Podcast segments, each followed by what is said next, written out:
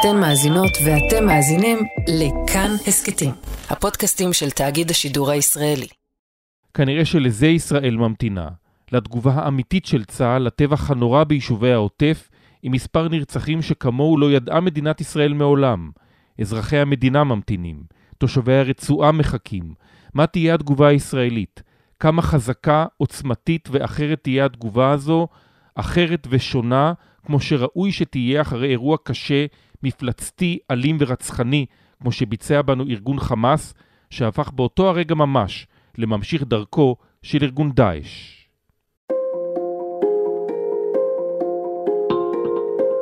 שלום, אתם על עוד יום, הסכת האקטואליה של כאן, אני יואב קרקובסקי.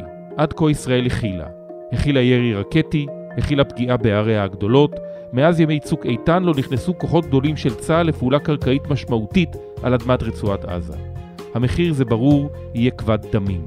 אחרי ההפתעה האדירה שהנחילה חמאס לצה"ל, השבת השחורה של 7 באוקטובר, זה דבר ברור לחלוטין שהכניסה הקרקעית לא תהיה פשוטה וייתכן שלכוחות צה"ל ימתינו שם לא מעט הפתעות.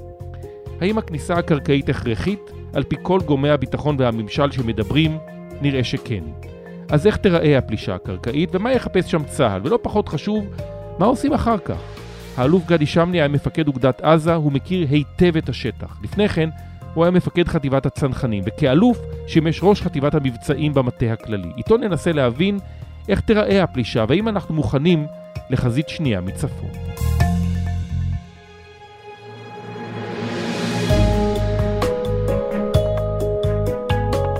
שלום גדי שמני.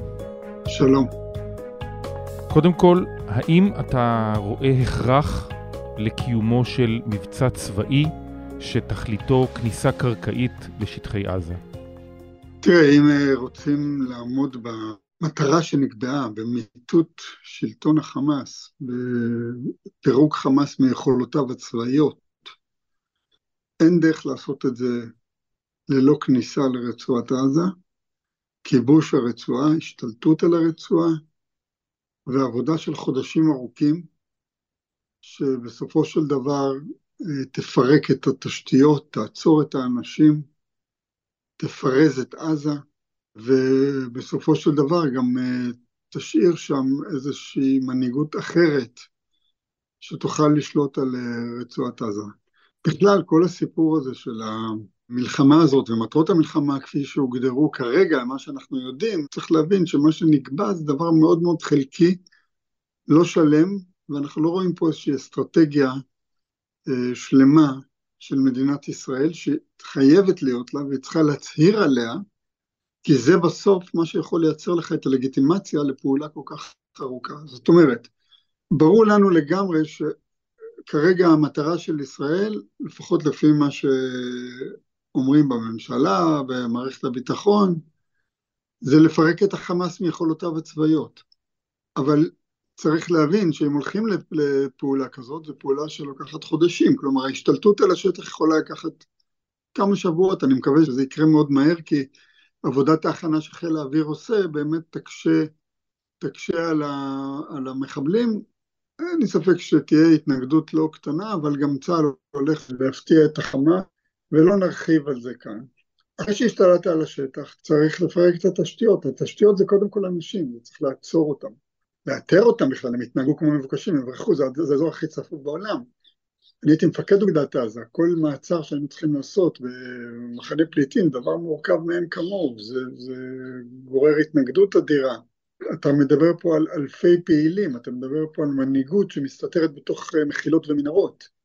מי שיצא החוצה אולי יוכלו לסכל אותו מהאוויר, לעשות דברים כאלה, אבל מי שמסתתר ומתנהג כמו מבוקש, מחבלים שמתנהגים כמו מבוקשים, מסתתרים, יוצאים לפיגועים ונכנסים פנימה עוד פעם לבטן האדמה או למסתור בתוך uh, מחנות הפליטים. בסופו של דבר זה תהליך שלוקח הרבה מאוד זמן. אם ישראל באה עם אסטרטגיה סדורה שאומרת בסופו של יום אנחנו נרצה לראות עזה מפורזת, עם שלטון אחר, זה יכול להיות הרשות הפלסטינית, בטח לא בימינו עם, עם המעמד והחולשה שלה, אבל אולי בהמשך, ולכן אין ספק שבחודשים הראשונים מי שיוכל לשלוט שם זה רק צה"ל, במידה ואתה מפרק את שלטון החמאס, ומישהו יצטרך לדאוג לאוכלוסייה, זאת אומרת, זאת סוגיה מאוד מורכבת, שאני לא, אני לא אומר את הדברים כדי להרתיע אותנו מלנקוט את הצעד הזה, כי אני חושב שאין לנו ברירה.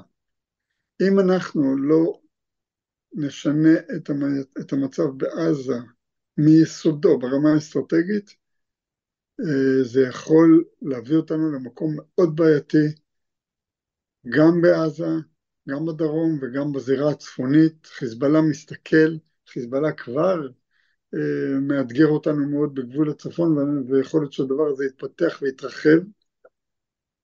כישלון לשנות את המצב בעזה ולהפגין את הנחישות הישראלית לעשות את המהלך הזה עד הסוף, עם כל המחירים שכרוכים בו, תביא אותנו למקום מאוד מאוד בעייתי מבחינת ההרתעה הישראלית, שהיא כבר הרתעה אה, שחוקה מאוד, שנשחקה עד דק בשנה האחרונה מאז שבנימין נתניהו חזר לכהן כראש ממשלה, ותכניס את ישראל למצבים מאוד בעייתיים. לכן אני חושב שאין ברירה.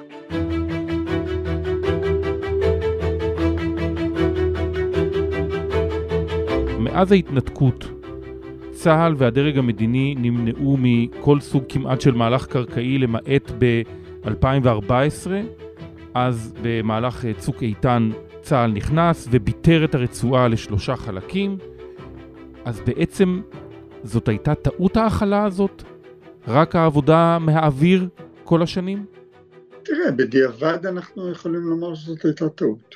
אני חושב שכשניהלו את המהלכים האלה, היו שיקולים לכאן ולכאן, זאת אומרת, אה, יכולת בקלות רבה להשתכנע שיכול להיות שאם חמאס, אה, וזאת הייתה התפיסה, אמרנו חמאס הוא, הוא גם, הוא ארגון טרור, אבל הוא, הוא גם תנועה חברתית, הוא תנועה שרוצה לשלוט בעם הפלסטיני, להשתלט על אש"ף, חשוב להם להוכיח שהם יודעים לנהל מדינה, שהם יודעים לנהל את עזה, לכן הכסף חשוב להם, הכלכלה חשובה להם, יכול, שכנענו את עצמנו בדבר הזה, והאמת היא שכשאתה שומע דברים כאלה, זה, זה נשמע די הגיוני, כשאתה חושב אולי במושגים, אה, אה, במושגים ישראליים, במושגים מערביים, אה, אפילו במושגים של המזרח התיכון, הרי היו, אנחנו ראינו, יש לנו שלום עם מצרים ויש לנו שלום עם ירדן, ואנחנו מבינים שבסוף כשיש ממשל או ממשלה שרוצה לשלוט ולשגשג ולפתח את הכלכלה וכולי, אז הם יעדיפו דרכים אחרות על פני מלחמה, בטח כשמדובר באויב, מבחינתם אויב, כן, הם בנו בישראלים כישות כל כך עוצמתית שעומדת מולם, כי הרי זאת, זאת הייתה נקודת המוצא שלנו, וזאת בעצם הייתה מה שהיום כולם קוראים לקונספציה. וכנראה שזה הסתבר כלא נכון, כי יכול להיות שבאיזשהו שלב חמאס התחיל להשתנות, שינוי שאנחנו לא זיהינו אותו, שינוי שהיה קשור יותר לתמיכה האיראנית, להשפעות של אה, גופי אה, טרור ותנועות כמו אל-קאעידה והאייסיס, המדינה האסלאמית וכולי, תפיסות חדשות שנכנסו והשפיעו, שלמעשה לקחו את הארגון הזה מהארגון שייסד שייח' יאסין לארגון קצת באמת יותר דומה לדאעש, שמסוגל לעשות מעשים מטורפים כאלה. כך או כך זה לא משנה. זה המצב עכשיו, המציאות השתנתה, וצה"ל ומדינת ישראל מגיבים למציאות. בואו ננסה לדבר על מה צפוי לנו בפלישה הקרקעית הזאת. אחרי הפתעת השבעה באוקטובר ברור שחמאס מתכונן לפלישה קרקעית והולך להכין לנו שם הפתעות קשות שיעלו לנו במחיר דמים כבד. כן, קודם כל אני חושב שגם לצה"ל יש הרבה מאוד הפתעות. ואני לא רוצה כל כך לפתח את, ה, את הנושא הזה ומה החשיבה שלי לגבי הפלישה הקרקעית או הכניסה הקרקעית, איך היא תראה, מה היא תראה, כי זה בסוף לא טוב לתת גם רעיונות לצד השני, והם מקשיבים לנו. אה, מה שאני כן אומר זה שצה"ל יפעל שם בעוצמה רבה. אה, צה"ל עכשיו אה, מטפל בכל האזור של צפון הרצועה, חיל האוויר תוקף תקיפות מסיביות. התקיפות האלה בסופו של דבר גם ישללו מהחמאס הרבה מאוד יכולות. למשל, סתם לתת לך דוגמה, כל מערכ, מערכות המנהור התת-קרקעי שאמורות לשמש את uh, חמאס כשצה"ל נכנס לצאת מפה ולבצע פיגוע ולחזור לבטן האדמה ולצאת מפיר אחר וכולי. הבניינים האלה ש, שה, שהפירים של המנהרות יוצאים בהם, חלק גדול מהם זה בניינים שנהרסים עכשיו. ולמעשה סותמים את אה, פירי המנהרות. זה לא אומר שלא יישארו פירים, זה לא אומר שלא יהיה איפה לצאת, זה לא אומר שלא תהיה הרבה מאוד, הרבה מאוד התנגדות, ו, ואני מקווה שיהיו כמה שפחות נפגעים. השלב הראשון הוא שלב שצה"ל אה, יפעל בו בכל העוצמה, כמו במלחמה מול צבא, ולכן גם מפנים אה, אוכלוסייה, תהיה שם הפעלה מאוד מסיבית של, של עוצמת אש, אה, וכל מי שימצא שם למעשה ייחשב אה, כאויב, ולכן מפנים משם את כל האוכלוסייה, לא רוצים שיפגעו אה, אנשים בלתי מעורבים, ובאמת רוב האוכלוסייה מתפנה למרות שחמאס מנסה לבלום אותם. אז, אז ככה זה יראה. השלב הבא, אחרי ההשתלטות, הוא שלב לא פחות בעייתי, כי הוא עכשיו מצליח ללכת ולהגיע לאנשים, להגיע למרכזי הכובד, של ייצור התחמושת, של המעבדות, של אה, אתרי אמל"ח או אתרי רקטות שיש, להתחיל להרוס, להתחיל אה, למעשה, למעשה לעצב את, ה, את המציאות שם, ומה שיעצב את המציאות שם בעיקר זה יהיה דחפורי D9. זה מה שיעצב את המציאות. אני רוצה שנתייחס רגע אה, לשאלת ה... אוכלוסייה האזרחית, אמרת את זה בקצרה, ישראל לא תוכל להימנע מפגיעה באזרחים. היא לא תוכל להימנע, אבל היא עושה את כל מה שביכולתה כדי אה, לא לפגוע, לכן אה, נתנו צירים בטוחים ו-24 שעות לאנשים להתפנות. שעליהם בורחים גם מחבלים. נכון, אז זה, אז זה המחיר שאנחנו משלמים, נכון. האלטרנטיבה הייתה לא לפנות את האוכלוסייה ולא להודיע להם מראש ולתקוף ואז היו נהרגים הרבה מאוד אזרחים. הכוונה היא לא להגיע למצב הזה ולכן אתה לוקח את הסיכון, נכון, בורחים, בורחים גם מחבלים. מי שירצה מכוחות החמאס להישאר ולהילחם אצלו אז הוא יישאר שם, הוא לא יברח. ומי ש, שיברח אז כנראה שיברח גם אחר כך למקומות אחרים ואולי גם בסוף ירים ידיים וייכנע כי מי שבורח בורח ואנחנו כבר ראינו אה, אירועים, ראינו מבצעים שבהם אנשי חמאס ברחו, בסופו של דבר זה לא, אתה יודע, חמאס עשו מעשים נוראים שדי אה, יצרו הלם ומורא בקרב אזרחי ישראל, הם עשו מעשים נוראים בהתקפה האחרונה.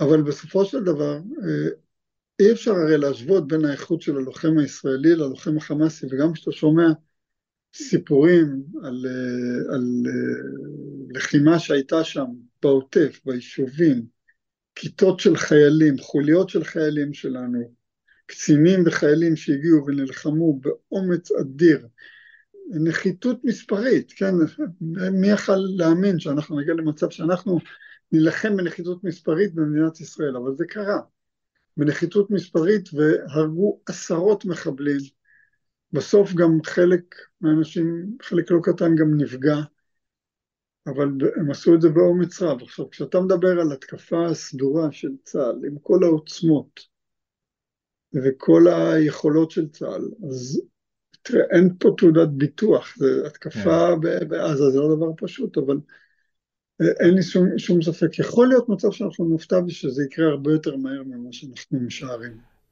שאלה אחרונה לסיום, שנים ראשי מערכת הביטחון הזהירו את הדרג המדיני-ביטחוני והדרג המדיני-ביטחוני את, את האזרחים מפני פתיחתה של חזית שנייה. אז זה פעם היה רק לבנון השנייה, ואחר כך זה היה רק צוק איתן. עכשיו אנחנו כנראה כן לקראת חזית שנייה. לא תהיה כנראה ברירה. אנחנו ערוכים לזה? צה"ל הוא צבא מספיק גדול ומספיק עוצמתי. מה שאתה רואה עכשיו למשל בעזה, חיל האוויר, להערכתי, היי, זה מקום קטן, כמה הוא יכול להכניס? אז הם, הם מפעילים את העוצמות שלהם, אבל הם לא יכולים להכניס יותר מדי אה, סדק שם, הם כל הזמן עובדים. חיל האוויר יכול לפעול בקלות בשתי הזירות האלה אה, ולעשות עבודה נפלאה. אגב, אה, יכול להיות שבעוד אה, יומיים, שלושה, ארבעה כבר לא יישאר לחיל האוויר יותר מדי מה לעשות, וחלק גדול מחיל האוויר יתפנה להיות בכוננות לצפון, וגם אם לא, יודעים להסיט מאמצים. זה בהיבט של חיל האוויר. מבחינת כוחות יבשה, לא נדבר פה כמובן על מספרים, אבל יש סדק עצום בשתי הגזרות, ויש למטכ"ל גם הרבה עתודות מטכ"ליות, שהוא יכול להטיל אותן צפונה או דרומה, לאן שצריך. כך שאני לא חושב, מדינת ישראל לא באיזושהי סכנה קיומית, זה לא שעכשיו אם מתפרץ משהו עם חיזבאללה, אז אה, ישראל תתייצב בפני איזושהי סכנה קיומית, זה ממש לא, זה ממש לא המצב. אין ספק, העורף יספוג הרבה, מערכת, מערכות ההגנה יעשו את העבודה כמיטב יכולתם והטכנולוגיה שלהם, אבל אה, אין ספק שהעורף יספוג הרבה, אבל שילוב נכון של התקפה עם הגנה אזרחית, עם אה, הנחיות פיקוד העורף, וזה דבר שלא יהיה קצר. אה, בסופו של דבר יביא את הניצחון, אין ספק, הרי אין לנו פה איזושהי ברירה אחרת. אין לנו אופציה אחרת אלא מלבד לנצח. עכשיו תראה, לגבי מה שקורה בצפון, זה כבר מלחמה בעצימות נמוכה, זה, זה ימי קרב כאלה, וזה בהחלט הולך לכיוון של הסלמה, ואם זה לא יגיע להסלמה רבתי בשבועות הקרובים, ונאמר צה"ל ישלים את המשימות שלו בעזה, או את כיבוש עזה, מבלי שתיפתח החזית, לא תהיה ברירה למדינת ישראל אלא לחשוב מתי היא מטפלת בסוגיית לבנון ברמה הצבאית כיוזמת ולא כמגיבה כפי שעכשיו אני חושב שאם יש לקח זה הלקח. גדי שמני, תודה רבה. תודה לכם. גם אם המבצע הקרקעי ילך כמתוכנן ויושגו כל המטרות, חייבים לחשוב על היום שאחרי. סגן אלוף במילואים יוחנן צורף הוא חוקר החברה הפלסטינית במכון למחקרי ביטחון לאומי INSS. בעבר היה היועץ לענייני ערבים של המינהל האזרחי ברצועת עזה בתקופת האינתיפאדה הראשונה ועד להשלמת היישום של הסכמי אוסלו. בין היתר שימש המתורגמן של ראש הממשלה יצחק רבין במפגשים הפומביים הרבים שקיים עם יאסר ערפאת בשנה הראשונה שלאחר היישום של ההסכם בגבול הרצועה. שלום ליוחנן צורף. שלום שלום. אז נגיד והתרחיש האופטימי הזה מבחינתנו מתממש וצה"ל מצליח לפרק את תשתיות חמאס, אבל הוא גם הופך להיות בעצם הריבון ברצועה. ולדבר הזה, אני חושב, אה, לא בטוח מדינת ישראל רוצה לחזור. מה, זו השאלה, שאלת מיליון הדולר, מה שנקרא. ישראל יצאה מעזה לא כדי לחזור. אני לא מכיר מישהו בקרב מקבלי החלטות במדינת ישראל שיש לו עניין לחזור לרצועת עזה. חזרה לרצועת עזה כשלטון, המשמעות שלה לקחת על אחריותך הרבה מאוד דברים, שזה לא פשוט. אני חושב, ויש לי קצת על מה להישען פה בעניין הזה, שהסוגיה הזאת, חושבים עליה כבר היום, ואם אני קורא היטב בין השורות, אני לא נמצא היום בין שולחנות מקבלי ההחלטות, אני חושב שמדברים שם על משהו אזורי, על מהלך אזורי, שתהיינה מעורבות בו מדינות מהאזור, והמעצמה הגדולה כמובן ארה"ב, שאנחנו תמיד רוצים שהיא תהיה בתוך המשחק הזה. עכשיו, מעורבות גדולה של מדינות ערביות באזור, אם חמאס אכן, הכוח הצבאי שלה אכן יהיה מוטט, לסעודיה יהיה קל יותר להיכנס לתוך העניין הזה, כי כשאין אחים מוסלמים במשחק, אז היא, היא מוכנה להתערב ביתר קלות, ואם היא תתערב ביתר קלות, אז אני חושב שגם האמירויות תהיינה מוכנות לתת כתף פה בעניין הזה, אפשר יהיה גם לדחוק את קטאר הצידה. ולמצרים גם יהיה יותר קל בעניין הזה, כי היא, גם היא לא כל כך אוהבת את הקשר הזה עם האחים המוסלמים, חמאס מבחינתה זה אחים מוסלמים. אז בהנחה ונצליח במשימה הזאת, ונצליח למוטט את זה, אני חושב כגודל ההצלחה, גם גודל המעורבות או נכונות להיות מעורבים של מדינות המפרץ בתוך המשחק הזה. אבל בזה לא נגמר הסיפור, כי המטרה בסופו של דבר, גם שלנו וגם של, גם של המדינות הללו, זה להביא את הרשות הפלסטינית חזרה לרצועת עזה. אה, המעורבות של המדינות הללו, אם אכן תהיה, תתקיים, אה, תקל מאוד על אבו מאזן לקבל החלטה לחזור לרצועת עזה. שהוא לא מגיע על כידוני צה"ל, אלא אחרי שכידוני צה"ל השתלטו על הרצועה ויש איזושהי תקופת ביניים של מעין מנהל אזרחי משותף, אם אני מבין אותך נכון, שמנוהל על ידי ארצות הברית, סעודיה, האמירויות, כאשר הם אחראים על השטח, יהיה לאבו מאזן יותר קל לחזור. זה יכול להיות גם כמו שאתה מתאר, זה יכול להיות גם בלי פרק הזמן הזה. הדבר החשוב ביותר זה הגיבוי הבין-ערבי שיש למהלך הזה. כלומר, ברגע שיש מדינות כמו ערב הסעודית, כמו האמירויות, כמו מצרים, וכנראה גם ירדן, שתגבנה את המהלך הזה, זה אומר שהוא, יהיה לו יותר קל לחזור אל הרצועה. אבל, להבנתי, החזרה שלו לרצועה לא תהיה פשוטה מבחינת מדינת ישראל.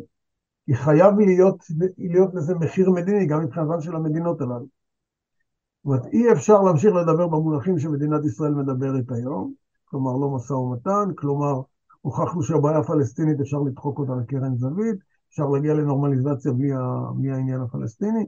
הדיבורים האלה לא יכולים להמשיך להתקיים. כדי שהוא יחזור, גם הוא, גם המדינות הללו שדיברנו עליהן, תדרושנה לראות תהליך מדיני שבסיומו יש לפחות כוונה, לא, לא הבטחה, אבל לפחות כוונה לחתור להגיע לפתרון של שתי מדינות. יכול להיות, יוחנן צורף, שאחת הטעויות האסטרטגיות של בנימין נתניהו הייתה הנאום באו"ם, שבו הוא חיבק את מוחמד בן סלמן וחשף באופן פומבי, בינלאומי, את ההשקפה שלו, שלכאורה עבדה בהסכמי אברהם, שזונחים את העניין הפלסטיני ומתקדמים עם העולם הערבי, יכול להיות שהדבר הזה היה אחת הדחיפות אה, להגיע לפעולה האלימה, השטנית, הרצחנית הזאת של חמאס, כי בעצם אם חשבנו שהנושא הזה, השאלה הפלסטינית, יכולה להישאר מחוץ אה, למשחק, היום זו השאלה היחידה שנמצאת במשחק. אני חושב שלא צריך להתאמץ הרבה כדי לקבל תשובה לשאלה שלך. באותו יום שהם ביצעו את המבצע הכל כך אכזרי וברברי שהם ביצעו, שני נאומים נישאו, או ליתר דיוק רעיון אחד של אהורי באל-ג'זירה שנמשך כמעט שעה, ונאום של, של אסמאעיל הנייה. שניהם עמדו על, ה, על היוהרה הישראלית הזו, שמתעלמת מכל הפניות והרצונות להגיע לאיזה שהם הסדרים איתה. הם ציינו גם את העניין של האסירים, הם הזכירו גם את העניין הזה של הזנחת הבעיה הפלסטינית והמחשבה שאפשר לעשות נורמליזציה ולהוריד מסדר היום את העניין הפלסטיני.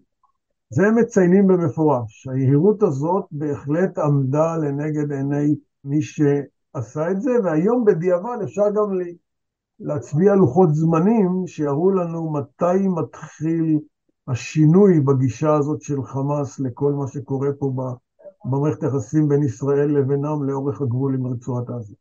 הם שמו מחדש את הבעיה הפלסטינית במוקד סדר היום של המזרח התיכון. והעולם. והעולם בכלל, אי אפשר להתעלם מזה. ארה"ב מביאה פה שתי נוסעות מטוסים בעקבות הדבר הזה, זה לא סיפור פשוט. כלומר, העניין הפלסטיני חזר בגדול למוקד סדר היום. בואו ננסה להניח שישראל מצליחה לפרק את התשתיות הצבאיות והשלטוניות של חמאס, אבל חמאס זה רעיון. רעיון חברתי, רעיון אידיאולוגי, רעיון דתי. האם את הרעיון אפשר להוציא מלב הפלסטינים?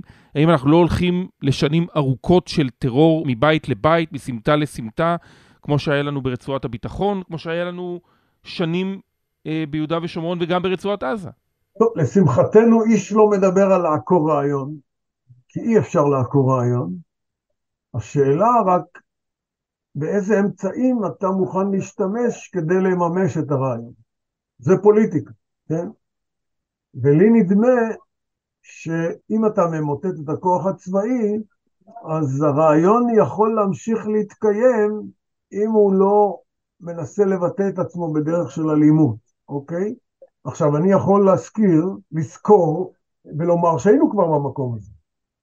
אחרי הפיגועים של 96, שערפאת התעשת והבין שהעובדה שהוא לא פועל בעוצמה נגד הארגונים הללו, גורמת לו את הנזקים הכי גדולים, הוא פתח באופנסיבה נגד הארגונים הללו, ובשנת סוף ה-99, תחילת 2000, מתייצבים כל, כל ראשי החמאס דאז, בעיתון, בביטאון הרשמי שלהם, פלסטין אל-מוסלימה, והם אומרים חד משמעית, אנחנו לא יכולים לעמוד מול הלחץ הזה שמופעל נגדנו מצד הרשות הפלסטינית, שהיא מגובה בישראל, כשהיא מגובה בקהילה הבינלאומית ושהיא מגובה על ידי מדינות ערב. אז חמאס הייתה הרבה יותר חלשה, והיא ספגה מהלומה מאוד מאוד קשה. אחמד יאסין עמד שם במוקד ההצהרה הזאת. רנטיסי אז היה אחד הגורמים הדומיננטיים. וזה היה די ברור שהם הרימו ידיים. אבל קמפ דיוויד אחרי ברק שוב שינה את התמונה כי ערפאת שחרר את כולם מהכלא ואפשר להם לחזור לעשות הרבה מאוד דברים אה, אחרים שהם לא העזו לעשות, אה, לעשות קודם. כלומר, אפשר להגיד שראינו במצבים שהם הרימו ידיים, שהם הכריזו על הרמת ידיים. האם זה יכול לקרות היום? זו שאלה. אני לא יודע, אין לי תשובה ברורה על זה, אבל יש עובדות שאומרות שבעבר הם עשו את זה.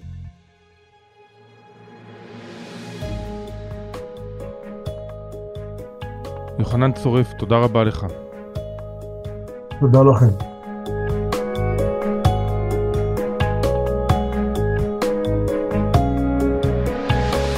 האזנתם לעוד יום, העורך הוא דניאל אופיר.